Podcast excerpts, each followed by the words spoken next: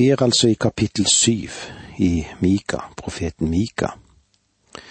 Og i de første ni versene her bekjenner Mika at Gud er sann i sin anklage mot Israel. Anklagen og nøyaktigheten ved det som rører profetens hjerte, det vi kommer inn på.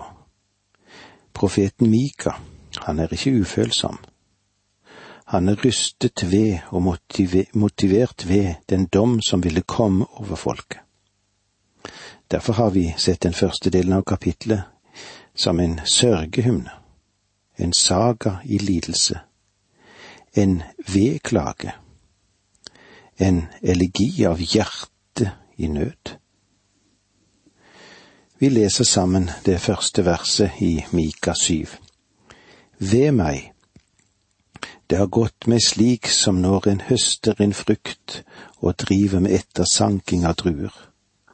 Det er ingen druer å spise, ikke en fiken jeg har lyst på. Mika begynner på en meget personlig måte her. Han sier ved meg. Han er ikke bare meget personlig, men han har også blitt påvirket en hel del av Guds budskap, det han har formidlet. På samme måte som Jeremia var det, og den måten han formidlet budskapet på. Han var overveldet av det. Han er i dyp sorg på grunn av det. Han gleder seg ikke over å si noe av det han har måttet formidle. Det er ikke noe glede for meg heller å si ting som vi oppfatter som ganske pessimistisk når det gjelder Norge. Jeg går ut fra at det er mange mennesker som ikke vil være enig med meg i det. Jeg skulle gjerne ha likt å rope ut til alle, mine venner, en stor vekkelse bryter løs over landet. Tenk om vi kunne ha sagt det. Det hadde vært gode nyheter, det og så hadde det vært en vidunderlig melding å komme med.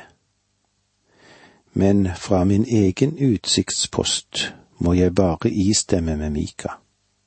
Ved meg. Det har gått meg slik som når en høster en frukt som driver med ettersanking av druer. Det er ingen druer å spise. Ikke en fiken jeg har lyst på. Husk at i Bibelen er vintre et bilde på Israel. Mika samtidig, Jesaja for eksempel, er en av dem som utviklet dette temaet, og han har presentert det for oss. Du kan se om dette i Jesaja det femte kapitlet. Han sa helt klart at Israel er vintre, og vintreet er Israel. Mika så seg rundt i sitt folk og sa, jeg har sett etter en drueklase, men det er ingen. Jeg lengtet etter moden frukt, men det var ingen. Vinrankene produserer ikke frukt. Mika vil nå ta for seg enkeltheter i denne situasjonen. Vers to. Det finnes ingen fromme mer i landet, ingen rettsindige blant folk. Alle ligger på lur etter blod enhver vil fange sin neste i garnet. Det er ikke trygt å gå i alle bygatene, i alle fall ikke de større byene, for lovløsheten gjør seg gjeldende. Det ser ut som det gode mennesket er borte, og likevel er det mange vidunderlige mennesker folk blant folket vårt.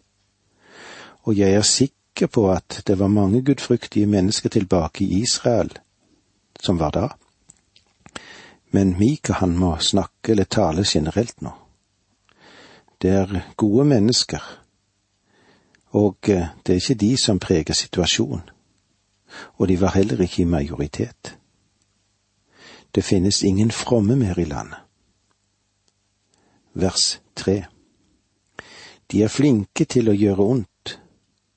Høvdingene kommer med krav, og dommerne vil ha betaling.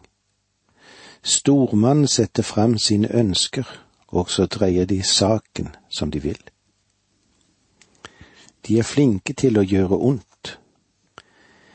I den amerikanske standardbibeloversettelsen så står det slik De gjør ondt med begge hender. Det er et sterkt bilde, det. De gjør ondt med begge hender. Det er en dyptgripende ondskap som har hersket. De gjorde ondt, alt det de bare kunne. Høvdingene kommer med krav, og dommerne vil ha betaling. De gjorde ondt mot betaling. De var ikke bare villige til å nedverdige seg til å gjøre det gale, men de gjorde det også på grunn av griskhet og begjær fra sin side. Høvdingene og dommerne. Det betydde at det var råttenskap i ledersjiktet, det. En skulle ventet at høvdingen og dommerne ville herske med rettferdighet og rett, men slik var ikke bildet. Stormannen settes fram sine ønsker, og så dreier de saken som de vil. Her ser vi at den som sitter ved makten, ikke minst dommermakten, får dreiet retten som de ville. Til alle tider har mennesket latt seg kjøpe. Men det er kanskje mer fremherskende nå enn det var i den forrige generasjon. Denne dreiningen av retten møter vi også en tendensiøs journalistikk. Og kanskje uansvarlig omgang med kildemateriale. Tap av rettsfølelsen for et folk, og hvordan de leder inn i de verste krisene. Det fjerde verset her i Mika syv. Den beste av dem er som et klungerkjær, den ærligste verre enn en tårn, tårnehekk. Det kommer en dag for dine vektere når du kreves til regnskap. Da blir de grepet av forvirring. Dette er en rystende beskrivelse av situasjonen. Den beste av dem er som et klungerkjær. Du må være forsiktig, og det er vanskelig å komme gjennom dette kjæret. Du kan rive deg opp på tornen, det vet du. Om du ikke er forsiktig, ja, det kan gå gale likevel. Og dette er beskrivelsen av den beste. Hvordan var det da nedover i samfunnet, tror du? Og legger vi dette målet på kulturlivet som her omtales, så er det høyst aktuelle formuleringer. Den ærligste verre enn en tårnhekk. Jeg tror at Gud ville stille våre samtidige kulturer til ansvar som han gjorde det med Israel i sin tid, og som han senere gjorde det med gresk og romersk kultur. Han simpelthen sopte den bort fra historiens arena. Hvorfor bevare den? Hva blir gjort i dag som har evig verdi? Det bildet som Mika bruker her, er et rystende eksempel. Det er rystende aktuelt òg, og det er vel verdt å studere. Det kommer en dag for dine vektere når, de, når du kreves til regnskap. Da blir det de grepet av forvirring. Den Herre Jesus sa, det skal vise seg tegn i sol og måne og stjerner, og på jorden skal folkene bli grepet av angst og fortvilelse, når hav og brenning bruser, som det står i Lukas 21, 25. Med andre ord var det en ting som ville karakterisere slutten på denne tidsalderen. Og det er forvirringen blant folkene. Kanskje et av de største tegn på at vi er nær endetiden for vår tidsalder det er ikke Israel, men den totale forvirring som gjør seg gjeldende over den ganske jord. Det er det bildet som Guds ord presenterer for oss angående folkeslagene i de siste dagene. Mika har satt ord på de vanskelighetene som disse menneskene hadde, på den synden som var i deres liv. Og det vakre uttrykket som vi tidligere har brukt, som står i Mika 6,8 menneske. Herren har jo sagt deg hva godhet er, og hva han krever av deg. At du skal gjøre det som er rett, vise trofast kjærlighet og vandre ydmykt med din Gud. Men folket gjorde ikke det, og de fant ut at de ikke maktet å gjøre det. Og med disse ordene må vi si takk for nå. Må Gud være med deg. Dette undervisningsprogrammet består av to deler. Åge Nevland fortsetter nå med andre del av dagens undervisning. Vi er i profeten Mika, og vi er nå i det syvende kapittelet, det siste kapittelet i denne profetboken. Og vi har stoppet opp for hvordan det vil være i den siste tid og den forvirringen som oppstår, og i det fjerde verset i kapittel syv leser vi slik. Den beste av dem er som et klungerkjær, den ærligste verre enn en tårnehekk. Det kommer en dag for dine vektere når du kreves til regnskap. Da blir de grepet av forvirring. Det var forvirring på den tiden. Mika hadde som sagt sett satt ord på disse vanskelighetene som menneskene på den tiden hadde, og spørsmålet hvordan har vi det i dag? Peter skriver det slik, vi var under lovens åk, våre forfedre holdt den ikke, og vi kan ikke holde den. Det er nok av mennesker som tror at de blir frelst gjennom sine egne gjerninger og at det skal være akseptabel for Gud, at det som grunnlag har de en evig fremtid. Det er ikke noe som er så falsk som dette. Det er falsk religion, det. Kanskje vi kan unnskylde de folk som levde under åk før Nytestamentets tid. Men nå har vi en åpen bibel som gjør det helt klar for oss at vi blir frelst ved Guds nåde alene. I vers fem leser vi slik her i det syvende kapitlet som Mika har gitt oss. Tro ikke på din frende, sett ikke lit til din venn. Vokt munnen for henne du tar i favn. Dette sier litt om den forferdelige situasjonen som eksisterte på den tiden. Og det samme har vært sant stort sett om alle sivilisasjoner i verden som har levd etter det som de lyster til. Og eh, vi lever i en stor og ond verden, og det må vi være våkne for. Spesielt om vi vil ta vår stilling på Guds ord på rett måte. Jesus sa det slik i Matteus 10, 34.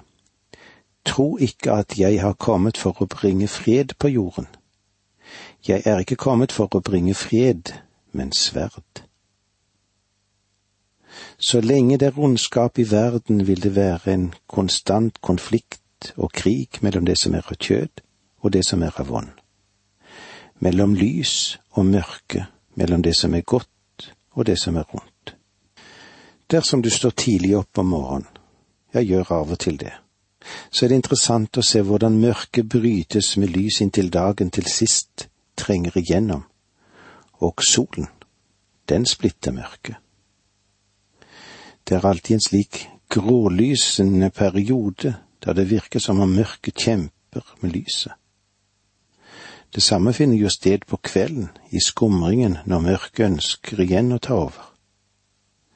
Det er den samme type av åndelig kamp som foregår i verden. Jesus fortsatte med å si i Matteus, Jeg er kommet for å sette skille.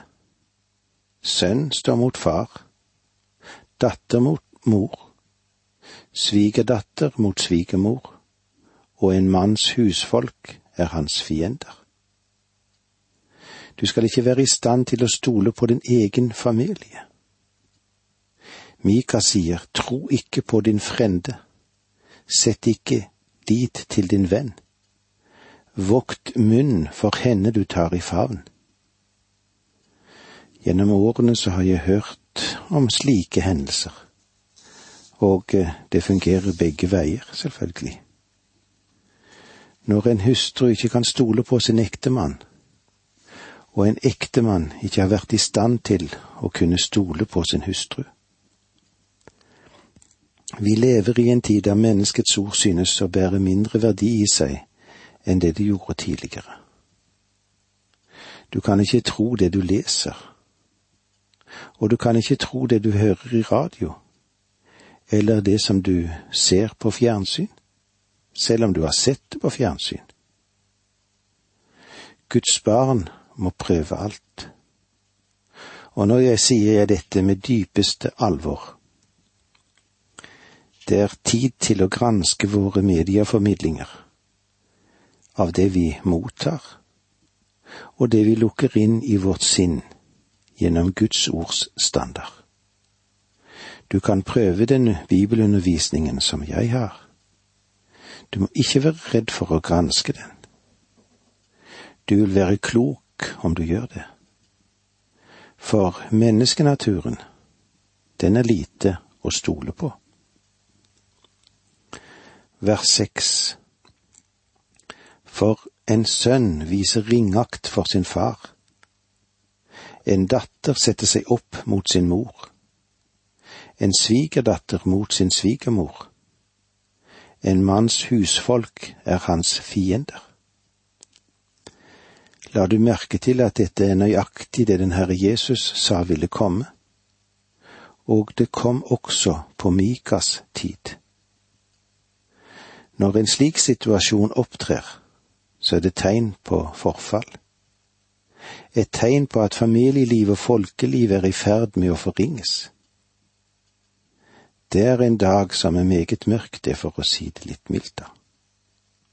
Og jeg undrer på om vi lever i en slik tid. Vi er kommet til et punkt der samfunnet skal styre og overvåke alt gjennom sine registre og dataopplysninger. Men hvem skal våke over storting og styringsverk? de trenger også det. Hvem kan vi stole på? Hvem kan du feste din lit til i dag? Vi lever i en smertefull overgangsperiode i verdenshistorien. Dette verset forteller om forholdene i den tid da Mika var tung av sorg. Dette er ikke noe å skryte av. Dette er ingenting å glede seg over. Det er noe som bør bekymre oss, noe som burde legge sorg i hjertene våre, i ditt hjerte og i mitt hjerte. For en sønn viser ringakt for sin far, en datter setter seg opp mot sin mor, en svigerdatter mot sin svigermor, en manns husfolk er hans fiender. Og i vers syv, men jeg vil speide etter Herren, vente på Gud som frelser meg, min Gud vil høre meg. Vi møter her en tillit og en visshet som har bærekraften i Mikas tro. Han vet at Gud vil høre ham, og han vet at Guds plan vil være til det gode. Den Herre Jesus sa at det skulle komme nød over folket Havet og stormvindene skulle brøle, og verdens folkeslag skulle være i store omveltninger.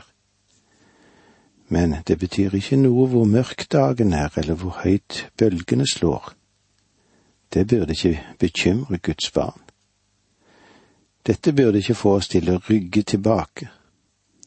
For eh, den Herre Jesus sa, mennesker skal få gå av redsel og gru for det som kommer over jorden for himmelrommets krefter skal rokkes.